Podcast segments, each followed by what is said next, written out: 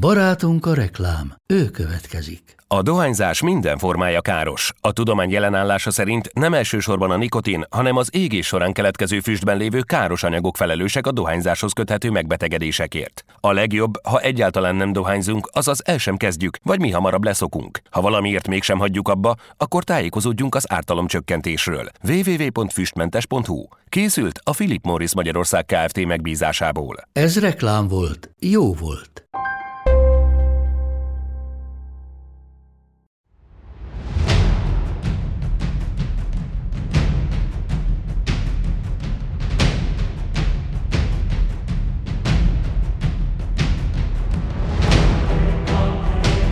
Az emberiség sajnos rengeteget ellenségeskedett az elmúlt több ezer évben, ezt jól tudjuk.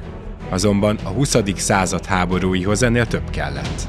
Például az, hogy a 19. század ipari forradalma olyan fegyvereket és emellett olyan hadművészeti fejlesztéseket hozott, amelyek teljesen megújították a hadviselés eszközeit. Ezen újításokban élen jártak a poroszok. Talán ezért is nevezzük az 1866-os porosz-osztrák háborút az első modern háborúnak. De mi vezetett ide? Milyen eszközbeli és gondolkodásbeli ötletek változtatták meg a hadműveletek hatékonyságát? És hogyan járult ez hozzá Európa hatalmi térképének átalakulásához, már-már előkészítve az 50 évvel későbbi első világháborút?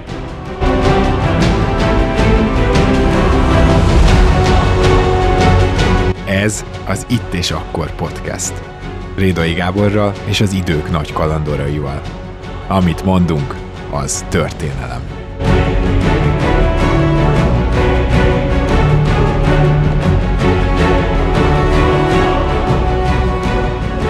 Sok szeretettel köszöntünk mindenkit az Itt és Akkor podcast adásában, ahol most hát az első modern háborúról beszélgetünk egy kicsit, és nyilván ennek vannak következményei, hogyha valamit az első modern háborúnak hívunk, és főként akkor hat történetileg vizsgáljuk meg, és azért is jó ez, mert egy olyan történészt sikerült ez a műsorhoz felkérnem, akinek ez a speciális érdeklődési köre, ugyanis dr. Német Balázs a Nemzeti Közszolgálati Egyetem hadtudományi és honvéd tisztképző karának, hadtörténelmi filozófia és kultúrtörténeti tanszékének adjunktusa van itt. Német Balázs, köszönöm szépen, hogy elfogadtad a meghívást, szervusz, üdvözöllek! Szervusztok, én is üdvözlöm a hallgatókat! Hogyha megengeded, akkor én azzal kezdeném, hogy te nem olyan régen egy bronzérmet zsebeltél be egy olyan sportversenyen, amiről szerintem a hallgatóink nagy része nem is tud, hogy létezett. Mesélnél erről egy picit? Persze, nem dicsekvésként, de egy ezüstérmet érmet is nyertem ugyanezen a világbajnokságon. Tehát ez egy elég speciális sportlövészeti ág, 19. századi fegyvereket használunk. Ez tulajdonképpen abból a korszakból származnak, amelyről most beszélni fogunk, hiszen a technika, a haditechnika ebben az időben elképesztő gyorsan fejlődik. Ez volt az első időszak, amikor a húzagolásokat már el tudták úgy készíteni, hogy abban nagy távolságra is pontosan lehessen lőni. Mi is ezen az egyhetes versenyen, ez a világbajnokság egyébként itt Várpalotán volt Magyarországon, ennek mi voltunk a főszervezői. Ezen 270 méter és 920 méter, vagyis 300 és 1000 yard közötti távolságokon lövünk lövünk célba, és hát nem csak ellövünk oda, hanem el is találjuk a célt. Nekem egy 600 yardon sikerült egy bronzérmet szerezzek, és 1000 yardon pedig egy ezüstérmet ezen a VB-n, úgyhogy egészen jól sikerült. Hát az nem kifejezés, igen. 1000 yard, belegondolni is brutális, és hát ma belegondolunk, mert hogy ugye ezt a bizonyos porosz-osztrák háborút, amiről ma beszélgetni fogunk, ezek a dolgok eldöntötték. És ahhoz szerintem, hogy megértsük azt, hogy miért ezt nevezik itt a 19. század közepén az első modern háborúnak, ahhoz egy picit muszáj beszélnünk talán csak vázlatokban Európa iparosodásáról, mert hogy ez a 19. században egészen új méreteket öltött ugyebár, és nyilván tehát a mai német terület az egyik központja volt ennek. Igen, ez egy nagyon izgalmas időszak. Nagyon hosszú időn keresztül tulajdonképpen a hadseregek fejlődése és a hadművészet fejlődése alapvetően a társadalmi változásoknak volt köszönhető. Maga nyilván az iparosodás ettől nem választható el, de az elmondható, hogy a 19. század közepétől második felétől olyan tempóban kezd el a haditechnika fejlődni, ami egészen az első világháború végéig a hadművészetet azt rákényszeríti egy ilyen követő magatartásra. Tehát, hogyha az első világháborút nézzük, tulajdonképpen ott is annak köszönhetőek ezek a brutális emberveszteségek, hogy a haditechnika fejlődésére egyszerűen nincsen idő megfelelő hadművészeti választ adni. És ez a folyamat ez most kezdődik el. Ugye maga az ipari forradalom első és második szakasza, ez a 18. század második fele, 19. század első fele, de ezt megelőzi a mezőgazdaság forradalma. Tehát tulajdonképpen a 18. századtól elkezd a populáció nőni, az európai népesség nőni, tehát egy elképesztő nagymértékű emberanyag növekedés van, amelyet a hadsereg igénybe vehet. A mezőgazdaság fejlődésének köszönhetően meg is tanuljuk megetetni őket, aztán ugye nagyon szép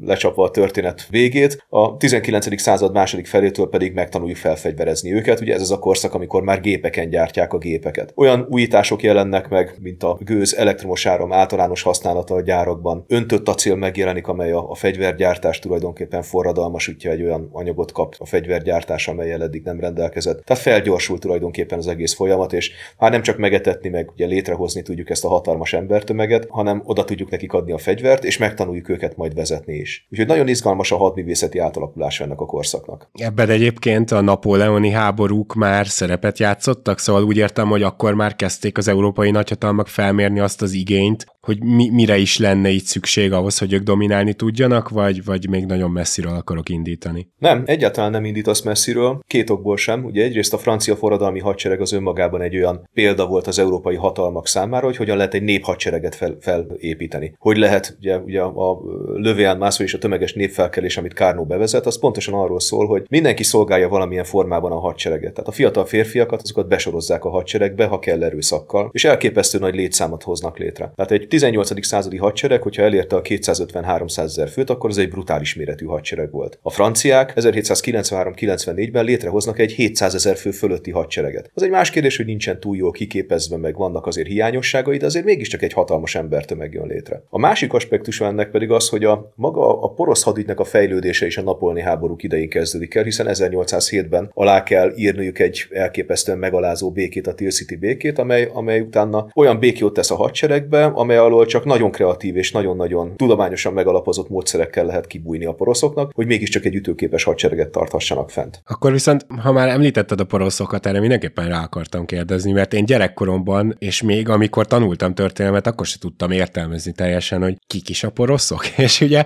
szerintem a ma felnövő gyerekek is csak hallják, hogy poroszoktatás, meg még benne van ez a, ez a szó így valamennyire azért a közbeszédben, tehát hogy így Németországból aztán egyszer csak lett egy nagy közös ország, és a Ausztria például nem került bele, ugye Hitler arra hivatkozva, hogy ők is németek, aztán elfoglalta Ausztriát, de kik a poroszok a né- németek közül, ki az, aki német, de nem osztrák és nem porosz, tehát tulajdonképpen miből is áll össze ez az igazából ma német anyanyelvű tömeg ott Európa közepén? Hát ugye, hogy nagyon erősen visszamegyünk a történetbe, és akkor már tényleg egy picit a 19. századi hadművészettől messze kerülünk, akkor ugye Németországnak a 19. század első felére jellemző állam berendezkedése, az egy szétszabdalt állam, amely 1648 óta a Westfáliai béke óta létezik. Ezek kisebb hercegségek, királyságok, kisebb tartományok. Poroszország egy ezek közül, ugye a mai Németországnak az északkeleti részén és a mai Lengyelország területén helyezkedett el nagy többségében ez a terület, de egy német anyanyelvű állam volt ez, ami a 18. század elején kezd el felemelkedni.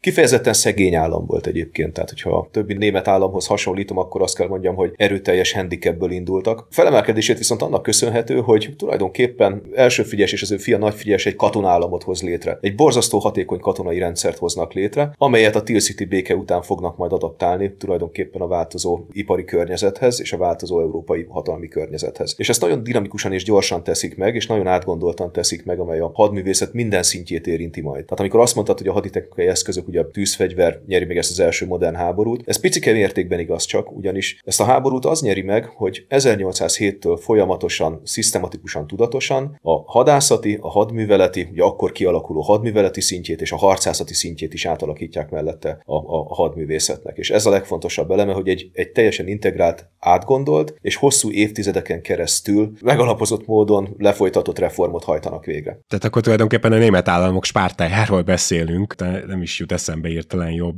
hasonlat. Na most akkor rendben, beszéljünk viszont erről a porosz hadügyi fejlődésről. Tehát ez gyakorlatilag ha jól értelmezem, amit mondasz, a 19. század első felében ilyen lórugásszerű lett, ez a spártai állam tulajdonképpen. Itt mi az, amit ki kéne emelni ahhoz, hogy meg tudjuk ezt fogni itt a podcastben, illetve mi az, amire nagyon felhívnád a hallgatók figyelmét, ami úgymond úttörő volt náluk? Induljunk el a hadászati szintjéről. Tehát ugye a hadászati szintje a hadművészetnek az, amely az ország összes erőforrását vizsgálja, az összes hadszinteret vizsgálja. Tehát tulajdonképpen, a, ahol közvetlen kapcsolatunk van a politikával. Ez a Teal City béke, ez a következő csinálta a porosz hadsereggel. Egyrészt ugye, annyira megalázó volt ez a történet, ez egy hármas béke volt, hiszen ugye volt egy francia-orosz szerződés, meg volt egy francia-porosz szerződés, vagy kettes inkább helyesebben szólva. Mind a kettő esetben ugye a francia fél volt a győztes fél. Az oroszokkal viszonylag megengedő szerződést kötöttek, békeszerződést kötöttek, a poroszokkal egy nagyon megalázót viszont. 42 ezer főben maximálják a hadsereget. Ezt ugye picit arányítsam, hogy ez mit jelent. Ez még egy hadseregnek a létszámát sem teszi ki. Ez nagyjából egy-kettő hat testnek a létszáma maximum. Tehát gyakorlatilag az a katonai főhatalom, mely Poroszország vált a 18. század folyamán, az 1807-re úgy tűnik, hogy megszűnik. Emellett kapnak még egy 100 millió frankos hadisarcot is, rengeteg területet vesztenek el, tehát az Elba és a Rajna közti területeket elveszítik, elveszítenek lengyel területeket, tehát tényleg egy megalázó rendszer ez a poroszoknak. De a német gondolkodás az mindig valahogy ilyen furcsa. Ezt az első világháború utáni időszakban is látjuk, amikor ugye kreatív módon fejlesztik például a haditechnikai eszközöket, hogy mindig, amikor kapnak egy ilyen nagy nyaklót, akkor megpróbálnak tudományos módon kibújni az alól. És a hadsereg átalakítására létre is hoznak már 1807-ben egy bizottságot, ezt úgy hívják, hogy a Katonai Újjászervezési Bizottság, amelybe rendkívül jó szakembereket helyeznek el. Ugye Katonai akadémiával már régóta rendelkeznek, ez a katonai akadémia termeli magából a jól felkészült tiszteket, olyan embereket találunk itt meg, mint például Gerhard von Scharhorst vezérőrnagy, vagy Gneisenau az alezredes, vagy Hermann von Boyen őrnagy, vagy a Karl von Clausewitz törzskapitány, aki ennek a, a testületnek a titkára. És ez a bizottság kapja meg azt a feladatot, hogy akkor elejétől a tetejéig alakítsa át ezt a porosz hadsereget. És meg kezdik egyébként nagy elánnal a munkát. Ugye a kirugásokra azonnal van alkalom, hiszen ugye nagyon kicsi lesz a létszáma a hadseregnek, úgyhogy most erre fogva kétharmadát eltávolítják a tiszteknek. De nem azokat a tiszteket fogják elzavarni, akik elvégezték ezt a katonai akadémiát, hanem igyekeznek a különböző ilyen előjogok alapján, meg születési jogok alapján tiszté kinevezett emberektől megszabadulni. Megnyitják az előmenetelnek a lehetőségét a nem nemes rétegek előtt is. Tehát tulajdonképpen a polgári rétegből is elindíthatott egy tiszti karriert egy fiatal ember. Mindemellett még a, a tiszti kiváltságokat is lecsorbítják, tehát például a tiszteknek nem lehet innentől teherhordó lova, tehát egy alacsonyabb rendfokozattal rendelkező csapat tisztnek ugyanazt a sorsot kell abszolválnia, ugyanabban a sorsban kell léteznie, mint a katonáinak. Aztán bevezetnek egy nagyon izgalmas kiképzési rendszert, vagy helyesebben szólva hat kiegészítési rendszert, amit ők úgy hívnak, hogy Krümper System, vagyis Krümper rendszer. Ugye nagyon picike a létszáma a hadseregnek, és elkezdenek azon filozofálni, hogy jó, jó, de hát akkor mégis hogy lehetne megadni mégiscsak minél több embernek az alapkatonai képzést. És akkor ez a Krümper rendszer, ez, ez úgy néz ki tulajdonképpen, hogy minden egyes gyalog századnak 10%-át lecserélik bizonyos időközönként, de csak a 10%-át. És ennek megvan, megvan az, az előnye, ugye, hogy nem kell egy újon századot felállítani, és leszerelni a régi századot, amikor az ugye gyakorlatilag, amikor kiszuperálják a hadseregből. Így a gyalog századnak, az alakulatnak megvan a harcértéke folyamatosan. Sőt, az az előnye is megvan, hogy tulajdonképpen az a 90%, aki meg ugye ott van már öreg katonaként, az sokkal könnyebben szocializálja ezt a 10%-ot. Mi történik azokkal a katonákkal, amelyek viszont átkerülnek tulajdonképpen tartalékba? Ugye ez a tartalék kifejezés is most jelenik meg tulajdonképpen szinte először Európában. A napoleoni háborúk zajlanak közben, 1813 ugye Napóleon megkapja az első nagy vereségét, ezután, vagy tulajdonképpen ebben párhuzamosan a poroszoknak van egy kis lehetősége arra, hogy lazítsanak ezen a Steel City rendszerem, ezért 1813. február 8-án bevezetik az általános védkötelezettséget. Ez az első eset Európában, amikor egy hadsereg állandó jelleggel védkötelezettséget vezet be. Előbb említettem egyébként ezt a Lövé Mass, vagyis ezt a tömeges népfölkerést, amit Kárnó bevezet a 18. század végén Franciaországban, ez csak időszakos volt. Na ez állandó lesz. És ennek a farvizén kialakul egy hatalmas létszámú hadsereg, három hierarchikus lépcsőből áll, tehát lesz egy tényleges hadsereg, egy első vonalbeli hadsereg, aminek van hatalmas tartaléka, hiszen egy gyors alapkiképzés után, egy, egy-két éves szolgálat után tartalékba helyezik a katonákat. Emögött létrehoznak egy területvédelmi rendszert, egy területvédelmi hadsereget, ez lesz a Landwehr, ugye magyarul lesz honvédségnek szoktuk fordítani, ez inkább ilyen milícia jellegű, és emögött még van egy ilyen utolsó nagy erőfeszítés, az úgynevezett népfelkelés, vagy népfelkelés, ahová 50 éves korig, vagy 49 éves korig szinte mindig, szinte bármikor behívható mindenki, amikor az ország végveszélyben van. Úgyhogy tulajdonképpen ez a bizottság így indítja meg ezt az egész reform folyamatot. Hát igen, tehát ezek ugye már, nagy, már önmagában nagyon modern elveknek hangzanak, hiszen a mai és az elmúlt, nem tudom, 50-100 évnek a hat kötelezettségét vélem felfedezni benne. Na most nyilvánvaló az is, azt gondolom, hogy ez egy nagyon jó megkerülése a szabálynak, de azért nem akarták ők annyira megkerülni ezt a szabályt, tehát igazából áthágni szerették volna, de nem ez az egyetlen egy dolog, amiben ők szintet léptek, hanem hogyha jól sejtem, akkor ha már így elkezdtük itt az iparosodással, akkor ez a terület, az orosz területek, ez erre nagyon rámentek, és akkor, ha jól sejtem, itt a fegyvergyártásban is sikerült újat alkotni. Hogy nem? Tehát tulajdonképpen még mindig a hadászati szintjénél vagyunk a hadművészetnek. Tehát ugye Poroszország az a, az a késői ipari forradalomnak a, a gyermeke, hogyha ezt lehet így mondani. Tehát ugye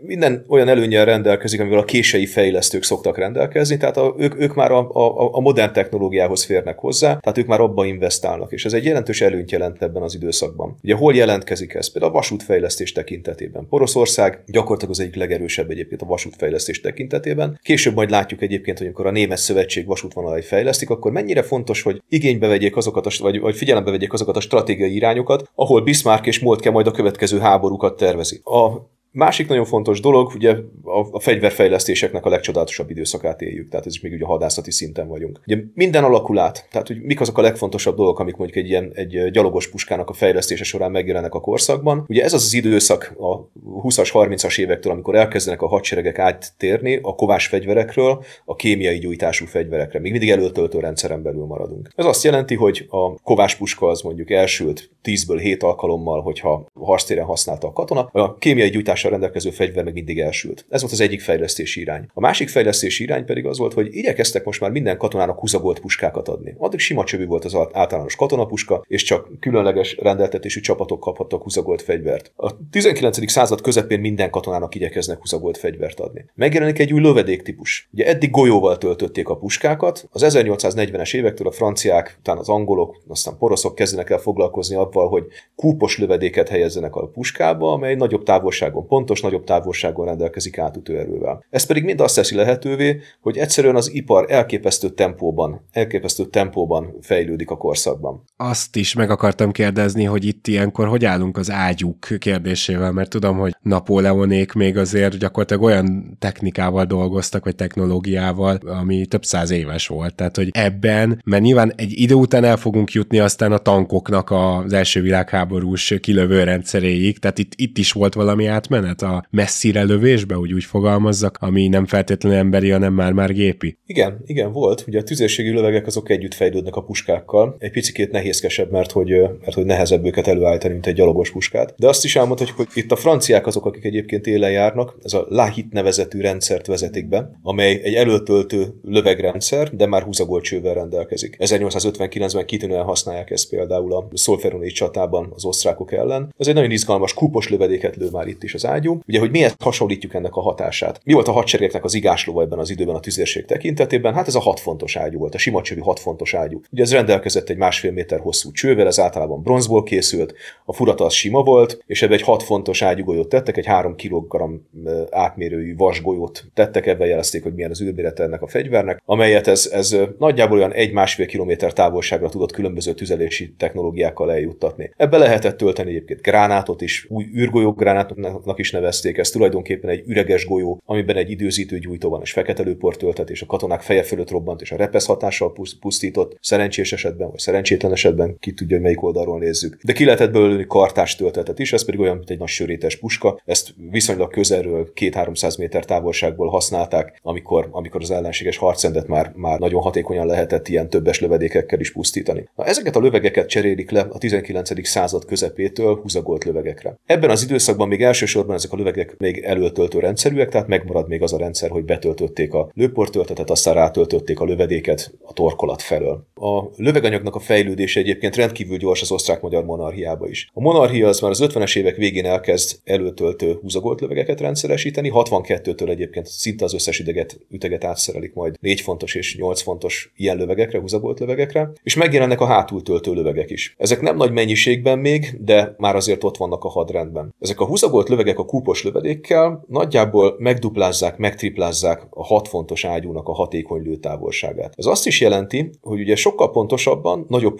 pusztítást tudnak távolságban. Tehát azokat a harcrendeket, amiket alkalmazott például a gyalogság a napolói háborúban, amelyek elsősorban zárt harcrendek voltak, oszlopok, vonalak, tömegek, ezeket nem nagyon lehetett már használni, mert elképesztő nagy távolságból tudta pusztítani őket a tüzérség. Aha, aha, igen, tiszta sor. Na most hadműveleti szinten is beindult egy fejlesztés, azért kérdezem ezt, mert ugye hát Napóleonnak a zsenie volt például az egyik ilyen döntő elvileg abban, hogy ennyire jól haladtak a napóleoni háborúk ugye a, végül is a nagy részében, ha ezt mondhatjuk, és hogy hogy tanultak például tőle, vagy, vagy szóval, hogy hadműveletileg például hogy tudták fejleszteni magukat. Most itt mindenképpen arra kérnélek, hogy úgy magyarázd el, mint aki először hallja. Igyekszem. Nem olyan bonyolult ez egyébként, nem, nem atomfizika. Hadműveleti szinten nagyon sok minden változik szintén. Egyrészt változik az, hogy hogyan vezetjük a csapatokat. Ne felejtsük el, hogy ez az időszak, amikor megjelenik például a távíró. Például a 66-os háborúban a poroszok távírón adják ki a parancsokat a Kőrigréci csata előtt, annak a három hadseregnek, hogy indítsák meg a támadást a Kőrigréci erőd előtt szétbontakozott osztrák csapatok ellen. Ugye ott van a vasút. Hadműveleti szinten, ugye ez, a távíróval felgyorsítottuk a, a parancsadásnak a rendszerét, a vasúttal pedig a csapatoknak a hadszintére jutatásának a sebességét tudom elképesztő tempóban fokozni. Tehát a 66-os háború előtti években például a porosz hadsereg az Berlin irányából dupla simpárokat vezet sugárirányban az osztrák határ felé, mint stratégiai irány, több ilyen simpár van, tehát igazából hatalmas keresztmetszeten tudják átjuttatni ezeket a csapatokat. Sőt, még a határ mentén, a határtól pár kilométerre egy ilyen határral párhuzamos simpárt is létrehoznak, ami lehetővé teszi, hogy én különböző erőszpontosításokat csináljak rendkívül gyorsan a kialakuló frontvonal mentén. Legfontosabb kérdés egyébként, ugye a hadműveletek kezdetének a legfontosabb kérdése, az mindig a mozgósításnak a sebessége. Ugye ahhoz, hogy ezt az egész nagy csomagot, ezt a hatalmas technikai fejlődést, a, a parancsadás fejlődését, a, a vasutak rendszerét összhangba tudják hozni, a poroszok lépnek egy nagyot, ugyanis 1857-ben létrehoznak egy úgynevezett nagy vezérkart. Ez a nagy vezérkar, amelynek majd 58-tól Helmut Moltke lesz a, a vezérkari főnöke, ez tulajdonképpen folyamatosan készül a háborúba. Ez a világ történelem első olyan időszaka, amikor egy haditerv az már a háború előtt megszületik. És ugye ezt fogják majd hegeszteni egyébként egész az első világháborúig, mindenki hadászati terveket fog generálni. Tehát ennek a nagyvezérkarnak az lesz a feladata, hogy a, amikor nincsen háború, akkor készül a háborúba. Tehát például van egy vasúti osztály ennek a porosz nagyvezérkarnak, és az tartja a magán vasútcégekkel a kapcsolatot, egyeztet, hogy merre legyenek vasútvonalak, milyen mozdonyok közlekednek ott, milyen áteresztő képességgel, hány vasútukos van, és felvonulási terveket hoznak létre. Aztán ugyanez a nagy vezérkar, ez fenntart katonai rendszert, amelyek feltérképezik a szomszédos országokat, természetesen azokat, ahová majd elsősorban háborút szeretnének vezetni. Tehát készülnek a háborúba folyamatosan. És mi történik a háborúban? Hát ott meg a nagy vezérkar fogja majd vezetni a csapatvezérkarokat, mert ugye csapatvezérkarok is létrejönnek. Tehát tulajdonképpen egy elképesztő think tank alakul ki, tehát egy ilyen hatalmas agytröszt alakul ki a hadsereg fölött, amelynek egyetlen feladata van, hogy a csapatokat azok minél kedvezőbb helyzetbe hozza. És egy nagyon-nagyon fontos feladata lesz ennek a nagy vezérkarnak, hogy mozgósítási tervet hozzon létre. És minél gyorsabban mozgósítok, annál gyorsabban tudom majd az ellenséget legyőzni, hiszen ő várhatóan lassabban fog mozgósítani, mint én. Legalábbis ezt szeretném elérni. Aha, igen, valóban ez teljes mértékben érthető, akkor itt gyakorlatilag itt megszűnnek a a, nem tudom, a nagy hadvezéreknek a romantikus alakjai, és egyszerűen az erőforrásokat összevonják, és ezek az erőforrások már kész tervekkel állnak elő. Tehát ez is egy teljesen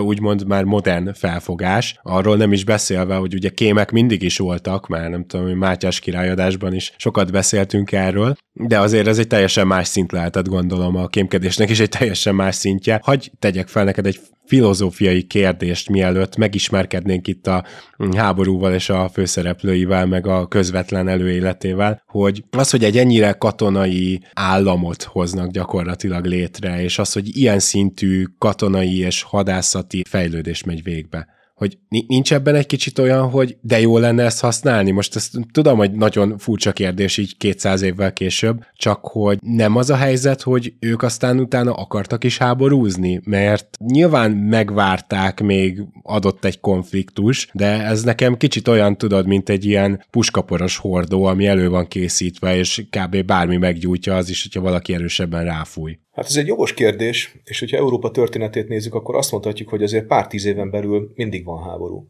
Tehát a háborúra való felkészülés azt gondolom, hogy egy teljesen valid politika, és megkérdőjelezhetetlen, hogy szükséges. Tehát, hogy a, és hogy, hogyha már készülnek, akkor azt egyszer használni is szeretnék. Ugye a legrosszabb eset egyébként az, amikor ugye a, a hadsereg az közvetlenül a politikába bele tud szólni. Tehát nem a politikának a parancsát hajtja végre, hanem alakítja is a politikát. Láttunk azért erre is számos példát, például a második világháború előtt ugye Magyarországon katonapolitika az nagyon-nagyon erősen belefolyta a mindennapi politikába. Ez nem szerencsés. Tehát, hogy a karcsörgetést azt a, a hadsereg, hogyha generálja, annak nem szabad túlmennie a hadseregnek a szintjén soha. De való igaz egyébként, hogy ebben a korszakban ezt nagyon nehéz elválasztani. És hogyha csak a porosz vonalat nézem, akkor ugye, ugye van nekünk 1862-től egy miniszterelnökünk, akit úgy hívnak, hogy Bismarck, aki abszolút katonai gondolkodással rendelkezik. Negyedik Frigyes Vilmos király, aki ugye 61-ben hal meg, és 61-ben az első Vilmos lesz új porosz király, aki elvileg ugye ilyen liberálisabb gondolkodással rendelkezik, de valójában nem. Ugye a negyedik Frigyes Vilmos az öreg mondja Bismarckról, hogy azt hiszem, hogy úgy fogalmazott, hogy bűzlik a vértől, és csak ott használható, ahol a bajonet korlátlanul uralkodik. Tehát, hogy, hogy, hogy Bismarckot egy politikust is tulajdonképpen egy vérengző katonának tekinti. Ugyanakkor Bismarck rá is szolgált erre a, erre a renoméra, hiszen az egyik legfontosabb neki tulajdonított szólása az, hogy nem szavakkal és többségi dönt, határozatokkal döntik el a kor kérdését, hanem vérrel is vassal. Tehát ő igazából, igazából katonai megoldásokat látott Poroszország előtt. Ugye Poroszország mint a, a német imperializmusnak az egyik legfontosabb képviselő jelenik meg a történetben. Gyarmatokat szeretne, szeretne nagyhatalmi státuszt Európában, és nagyon ügyesen megérzi azt, hogy hol vannak Európának a gyenge pontjai. Nagyon ügyesen készül ezekre a háborúkra. És neki van egy olyan társa ebben a történetben, aki pedig a hadseregen keresztül tudja nyomni ezeket a reformokat, az pedig egy, egy rendkívül jó képességű katonatiszt, akit úgy hívnak, hogy Helmut von Moltke. Ugye Moltkéből kettő van, újságíróknak ez szokott problémát jelenteni. Van az ő drága kisfia, aki majd az első világháborús hadászati tervet fogja létrehozni, de ez még az öregebbik, úgy is neveznek, hogy az öreg Moltke a német nyelvterületeken. Hát ő pedig a porosz katonatisztnek valószínűleg az abszolút arhétipusa. Tehát egy, azt is mondják, hogy egy borzasztó művelt ember volt egyébként. A magánlevelei alapján egyébként érzelmes ember, ugyanakkor katonaként egy karótnyát alak volt. Tehát, hogyha ha talán ilyen vicces megfogalmazásokat keresünk róla, akkor a legjellemzőbb az az, hogy ő volt az a katonatiszt, aki tíz nyelven tudott hallgatni. Tehát ő tényleg ilyen, Jó, csak, csak a legszükségesebb dolgokat mondta el. Egy jó felkészült ember volt, és egyébként izgalmas a története is, mert ugye ő a Dán királysághoz tartozó, akkor autonomiával rendelkező Slezvig tartományból származik, és a Dán király hadseregében kezdi el meg a szolgálatát. Aztán ez olyan picike neki, tehát hogy ott, ott nem igazán lát, erre, lát előrelépési lehetőséget, ezért 1922-ben ő átlép a porosz hadseregbe. Ez a korszakban nem volt egyébként annyira ritka, tehát ott, ott váltottak országot mindenféle probléma nélkül. Másrészt pedig egy német nyelvterületről származik, a dánokkal való viszony ez egyébként sem volt egy túl jó viszony, úgyhogy ez egy jó döntés volt a részéről, hogy, hogy porosz szolgálatba lép. Aztán szépen lépked fölfelé a rendfokozatok között, míg azt hiszem, hogy 1835-ben elmegy egy tartós szabadságra, egy tanulmányi útra, amely során bejárja a Fekete-tenger környéket, és éppen Isztambulban van, amikor találkozik a török szultánnal, aki felkéri arra, őt arra, hogy, hogy modernizálja a török hadsereget. Ezt el is fogadja egyébként, új vezetési rendszert vezet be, új kiképzési rendszert vezet be. Tényleg ő is megpróbálja az összes aspektusát a török hadművészetnek megreformálni, sőt részt vesz a kurdok elleni egyik első háborúban is, úgyhogy harci tapasztalatra is szertesz. Aztán a 40-es évek elején visszatérő Poroszországba, és tulajdonképpen majd amikor Bismarckkal karöltve 58 után megindíthatják a, a hadsereg reformot, akkor tulajdonképpen Bismarcktól jön a, a, a politikai elán, a politikai akarat, amit ő le tud fordítani katonai nyelvre, és végre tudja hajtani, és hozzá tudja tenni természetesen a, a hadművészet legkorszerűbb, legmodernebb gondolatait. Na igen, és akkor igazából el is jutunk így a 60-es évekhez, ahol még a poroszok a dánokkal is háborúztak, de hogy itt aztán tényleg a, említettem ezt a forrongó puskaporos hordót, hát itt tényleg ez volt a helyzet. Konkrétan háború háborút követett, kisebb és nagyobb. Tehát hogy jutunk el ez a 66-os porosz-osztrák háborúhoz? Miért feszültek egymásnak a felek? Egy picit nézzük meg, hogy mi volt itt Európában. Még egy másodperc pillanatra engedd meg, hogy visszatérjek a, a, a tűzfegyverekhez, mert ott félbe maradt egy gondolat, ami viszont a poroszok szempontjából fontos, majd egyébként a 64-es és a 66-os háborúban is lényeges lesz. Ugye a poroszok az elsők a világon, akik általános, tehát általánosan egy hátultöltő fegyvert rendszeresítenek. Ez a Dreizeféle gyújtűs puska. Ez a, az ipari forradalomnak egy hatalmas remeke tulajdonképpen. Ezt a szömmerdai gyárban egy Nikolaus Dreize nevezett úriember kezdi el gyártani, ő dolgozza ezt ki a 30-as években, és ugye a porosz katonai gondolkodása nagy mértékben jellemző, hogy, hogy, hogy minden ilyen újításban megpróbál belekapaszkodni, és ebbe is belekapaszkodik. A 30-as években már bemutatják ezt a fegyvert, és 1841-re olyan állapotba kerül, hogy ezt rendszeresíteni is tudják. Ez a fegyver, ez az első időszakban egyébként még raktárakba került, tehát ilyen titkos fegyverként, Leichtes Percussions Geverként titulálják, hogy nehogy kiderüljön az, hogy ez egy hátultöltő puska. Ugye ez egy rémfurcsa szerkezet. Ezek húzagolcsöve van, hátul egy forgótolózárral lehet megnyitni a zárszerkezetet, a töltényűrbe egy olyan töltényt lehet beletenni, ami tartalmazza a lőport, a lövedéket, valamint a gyúelegyet is, tehát tulajdonképpen korszerű értelemben vett lőszert lehet betölteni, és még egy előtöltő fegyvernek a tűzgyorsasága az percenként 3-4 lövés maximum, addig ebben olyan 6-8 lövést egészen biztos, hogy el lehet lőni. Tehát ez egy hatalmas, hatalmas erőt ad a hadseregnek, főleg a gyalogságának. Ezt a fegyvert egyébként 1848-ban, tehát ugye itt, vagyunk Magyarországon, pedig mi történik akkor? 48-ban ugye minden kovás puskát, minden riszrosz fegyvert össze kell gyűjtenünk, hogy fel tudjuk szerelni a honvédeket. Ezt 48-ban pedig már Dresdában a, a népfelkelők ellen vetik be, és, és nagy sikerrel oszlatják vele az összeverbuválódott tömeget. Tehát ez, egy, ez is egy nagyon fontos összetevője majd a későbbi porosz győzelemnek.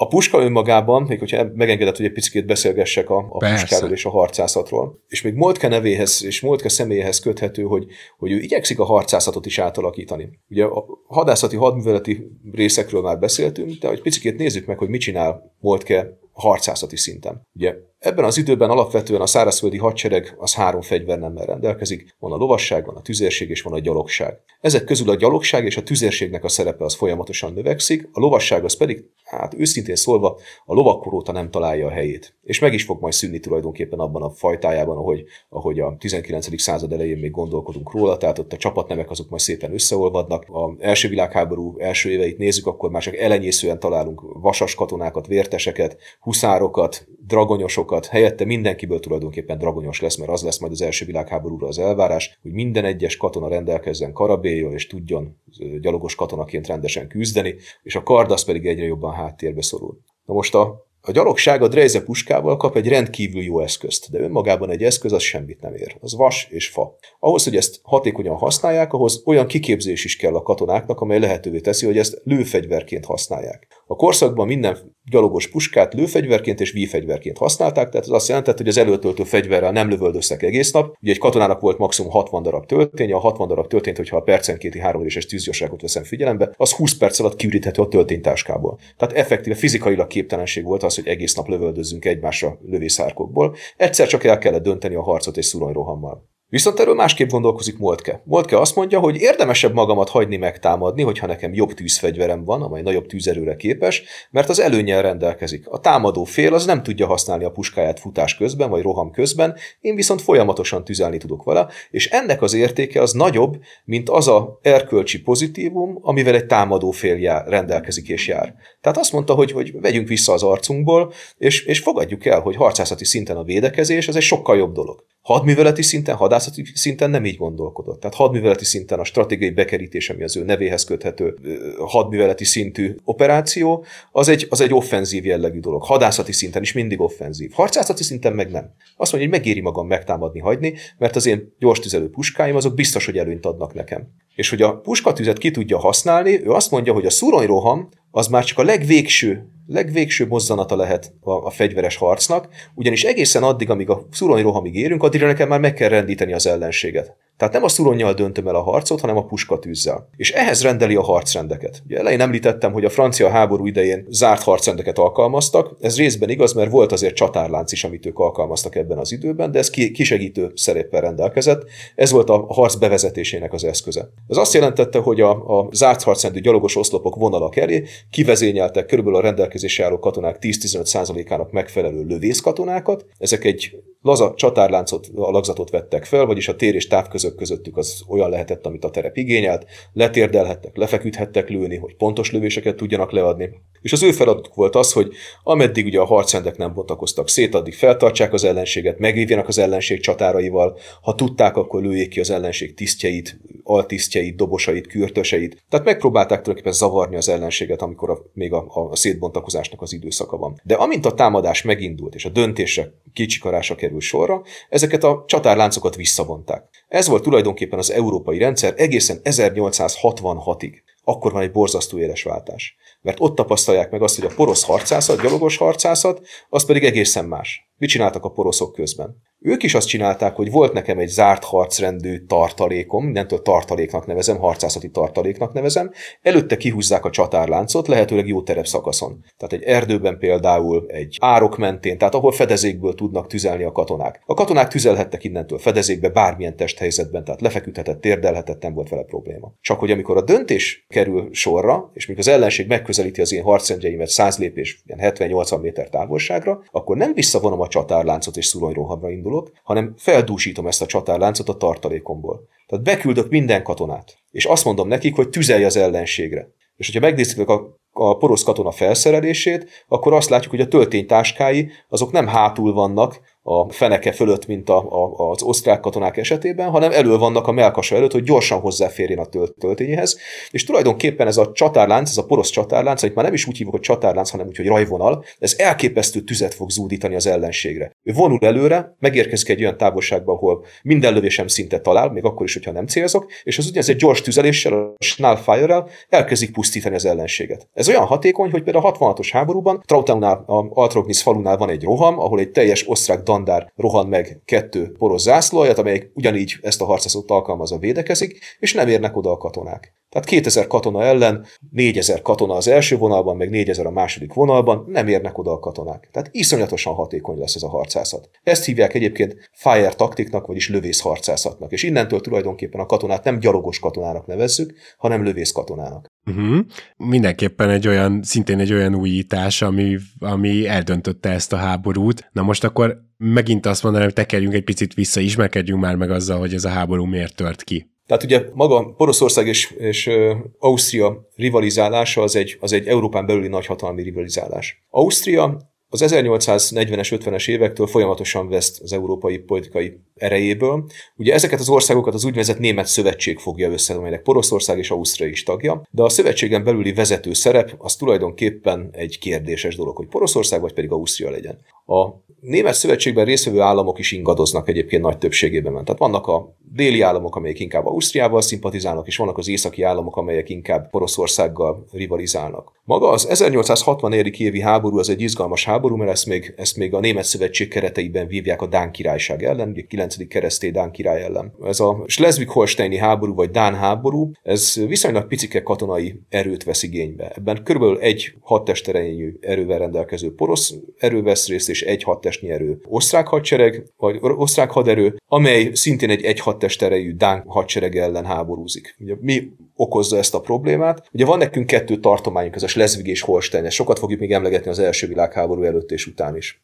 Ezek a Dán királysággal personálunióban vannak, már az 1400-as évek óta, tehát 15. század óta, de ezek német anyanyelvű területek egyébként elsősorban, és a Dán királyság ezt megpróbálja integrálni egyre erősebben a, a birodalomba. A nagy Dán királyságot szeretnék létrehozni, és meg akarják szüntetni ezeknek a hercegségeknek az autonómiáját. Ez eredményez már 1848 és 52 között egy háborút, ezt a porosz királysággal vívja majd a Dán király. Ez egy viszonylag hosszú idő lesz, hosszú háború lesz, amelynek hát, hát ilyen, ilyen, mondjuk azt, hogy ilyen egyensúlyban fejeződik be a háború, de a nagyhatalmaknak a Dán terjeszkedés az nem igazán tetszik. Tehát 1852-ben például Oroszország, Nagy-Britannia, Svédország, a Habsburg Birodalom, Poroszország és Franciaország Londonban egy, egy közös jegyzőkönyvet hoz létre, amelyekben ezeknek a hercegségeknek a függetlenségét garantálják, de avval a felkiáltással, hogy a Dán király az továbbra is természetesen ugye personáliók keretein belül hatalmát gyakorolhatja a területeken. Aztán 9. keresztély egy ideig el is van ebben a rendszerrel, de aztán 1863-ban megpróbálja mégiscsak erőszakosan dánosítani a területeket, aminek viszont az lesz az eredménye, hogy a Német Szövetség beavatkozik ebbe a háborúba. Ugye a... Bocs, és itt még vált, vált, vál, vál vetve, tehát itt a poroszok és az osztrákok egy oldalon Így van. harcolnak. Így van, így van, itt egy szövetségben vagyunk, ugye van kettő egészen jó parancsnokunk, van egy Ludwig von Gablenz nevezetű parancsnokunk az osztrák hadsereg élén, ugye azt hiszem, hogy akkor ő altábornagyi rangban szolgál a hadseregben, a porosz hadtestet pedig egy Friedrich von Wrangel nevezetű parancsnok vezeti, aki már az előző háborúban is egyébként harcolt Dánia területén. Az osztrák csapatok azok majdnem a birodalom egész területéről érkeznek, elsősorban a, a hatodik Gráci hadtestre alapoznak, de a Magyar Királyság területéről, ugye nyilván ezek a, a Magyar Királyságból származó ezredek nem csak magyar katonákkal rendelkeztek, magyar anyanyelvű katonákkal rendelkeztek, ugye ott van a 34. gyalogezred, a, a 72. pozsonyi gyalogezred, vagy a 6. dél-magyarországi gyalogezred. Számos huszás vadron vesz részt ebben a, ebben a háborúban, például Fehérvári Géza, a későbbi miniszterelnökünk is részt vesz ebben a háborúban. A, az osztrák flotta részt vesz ebben a háborúban, hogy az északi tengerre indul egy osztrák hajóraj, amely rendkívül jól tevékenykedik. Úgyhogy azt mondhatjuk, hogy egy, egy viszonylag ütőképes hadsereg jön létre. A Ludwig von Gablenzről még annyit érdemes tudni, hogy az 66-os háborúban ő aratja majd 66. június 27-én Trautenaunál az egyetlen győzelmet, a porosz hadsereg ellen, Alfred Bonin hadteste ellen, Úgyhogy jó, jó parancsnokok vesznek részt ebben a háborúban. Maga a, ugye ez egy erős kázus belli, és egy viszonylag gyors lefolyású háború lesz, pár hónap alatt ez be is fog fejeződni. Alapvetően ez három nagy szakaszra osztható. Ugye maga a támadás az ugye délfelül indul meg Schleswig tartomány felől, vagy Holstein és Schleswig tartomány felől. Az, az osztrákok azok már február 3-án behatolnak a Dán területekre, és nagyon nagy tempóban nyomulnak előre. A dánok ezt az egy testnyi erőt, ezt a Danaverke nevezetű erődrendszer mentén helyezik el, ezt próbálják védeni. Ez tulajdonképpen Schleswig tartománynak a legvékonyabb része, hogy ilyen szép földrajzi kifejezéssel éljek. Ugye általában egyébként a tartomány tengertől tengerig olyan 70-80 km széles, itt viszont csak alig 30 km széles, és ez a Danaverke, ez egy olyan erődrendszer, amely körülbelül egy olyan 10-15 kilométeren keresztül a legfontosabb stratégia, a legfontosabb részeket védi. Itt akarják megállítani az osztrákokat, meg a poroszokat, de végül is a, a nagy hideg tél és a, a rosszul felszerelt állások miatt visszavonják a csapatokat. A dánok két felé menekülnek, vagy két irányba vonulnak vissza, hogy helyesebben fogalmazzak. Ugye az egyik csapattest az Jütland felé indul, a másik pedig az Ász sziget felé keleti irányba indul el, és majd a Dibol melletti sáncokat fogja megerősíteni, és azokat fogják majd védeni a poroszok ellen. A támadó fél is két irányba fog majd támadni, az osztrákok Gablenz vezetésével észak felé indulnak, és néhány nap alatt tulajdonképpen február 6-ára érnek Jütland határára, tehát tulajdonképpen teljesítik a stratégiai célt, szinte a teljes Dánfél-szigetet elfoglalják, a poroszok pedig elindulnak szépen kelet felé, Dibol felé, ugye Diboli sáncok azok az Ász-szigetre való átkelésnek a lehetőségét gátolják, és itt próbálják meg elpusztítani az ott védekező Dán csapatokat, akik egyébként hősiesen védekeznek. A poroszok sokkal rosszabbul haladnak, mint, a, mint az osztrákok hozzáteszem. Tehát a poroszok azok csak április közepén, április 15 25-én tudják majd egy hatalmas, elképesztő tüzérségi tűzotán elfoglalni a, a diboli sáncokat, és utána kénytelenek még két-három hónap, vagy két hónap tűzszünetet is kötni, mert kifáradnak a csapatok. Tehát a Ászigetre való átkerést azt nem is tudják végrehajtani. Az osztrákok ehhez képest tök jól teljesítenek, tehát a Gablenc által vezetett csapatok azok egyrészt Vejlénél, aztán megverik nagyon erősen a, a dámokat, aztán elfoglalják Fredericia városát, amely majd a, a Kopenhága felé átkerésnek lehet egy nagyon jó kiinduló pontja. Overzénél is meg megverik a dánokat, tehát igazán, igazán, igazán jól teljesít Goblenz, a poroszok meg botladoznak. Itt jött el, kedves hallgatók, az a pont, ahol kettőbe vesszük az adásunkat. Azt hiszem, hogy eddig már félig meddig választ is kaptunk arra, hogy miért az 1866-os porosz-osztrák szembenállást hívjuk az első modern háborúnak, de azért még nem értünk el odáig. A következő részben ez megtörténik, és dr. Német Balázs hadtörténész részletesen feltárja majd nekünk, hogy miként érvényesültek a poroszok újításai, és az is kiderül, hogy nekünk, az osztrák-magyar monarchiának mármint lehetette volna esélyünk elkerülni a verességet. Most azonban búcsúzik Rédai Gábor, a segédszerkesztő Katona Csaba, valamint producer párosunk Román Balázs és Hampuk Rihárd. Hamarosan jövünk tehát a folytatással, addig is azonban, amit ma mondtunk, tudjátok, az már történelem. thank you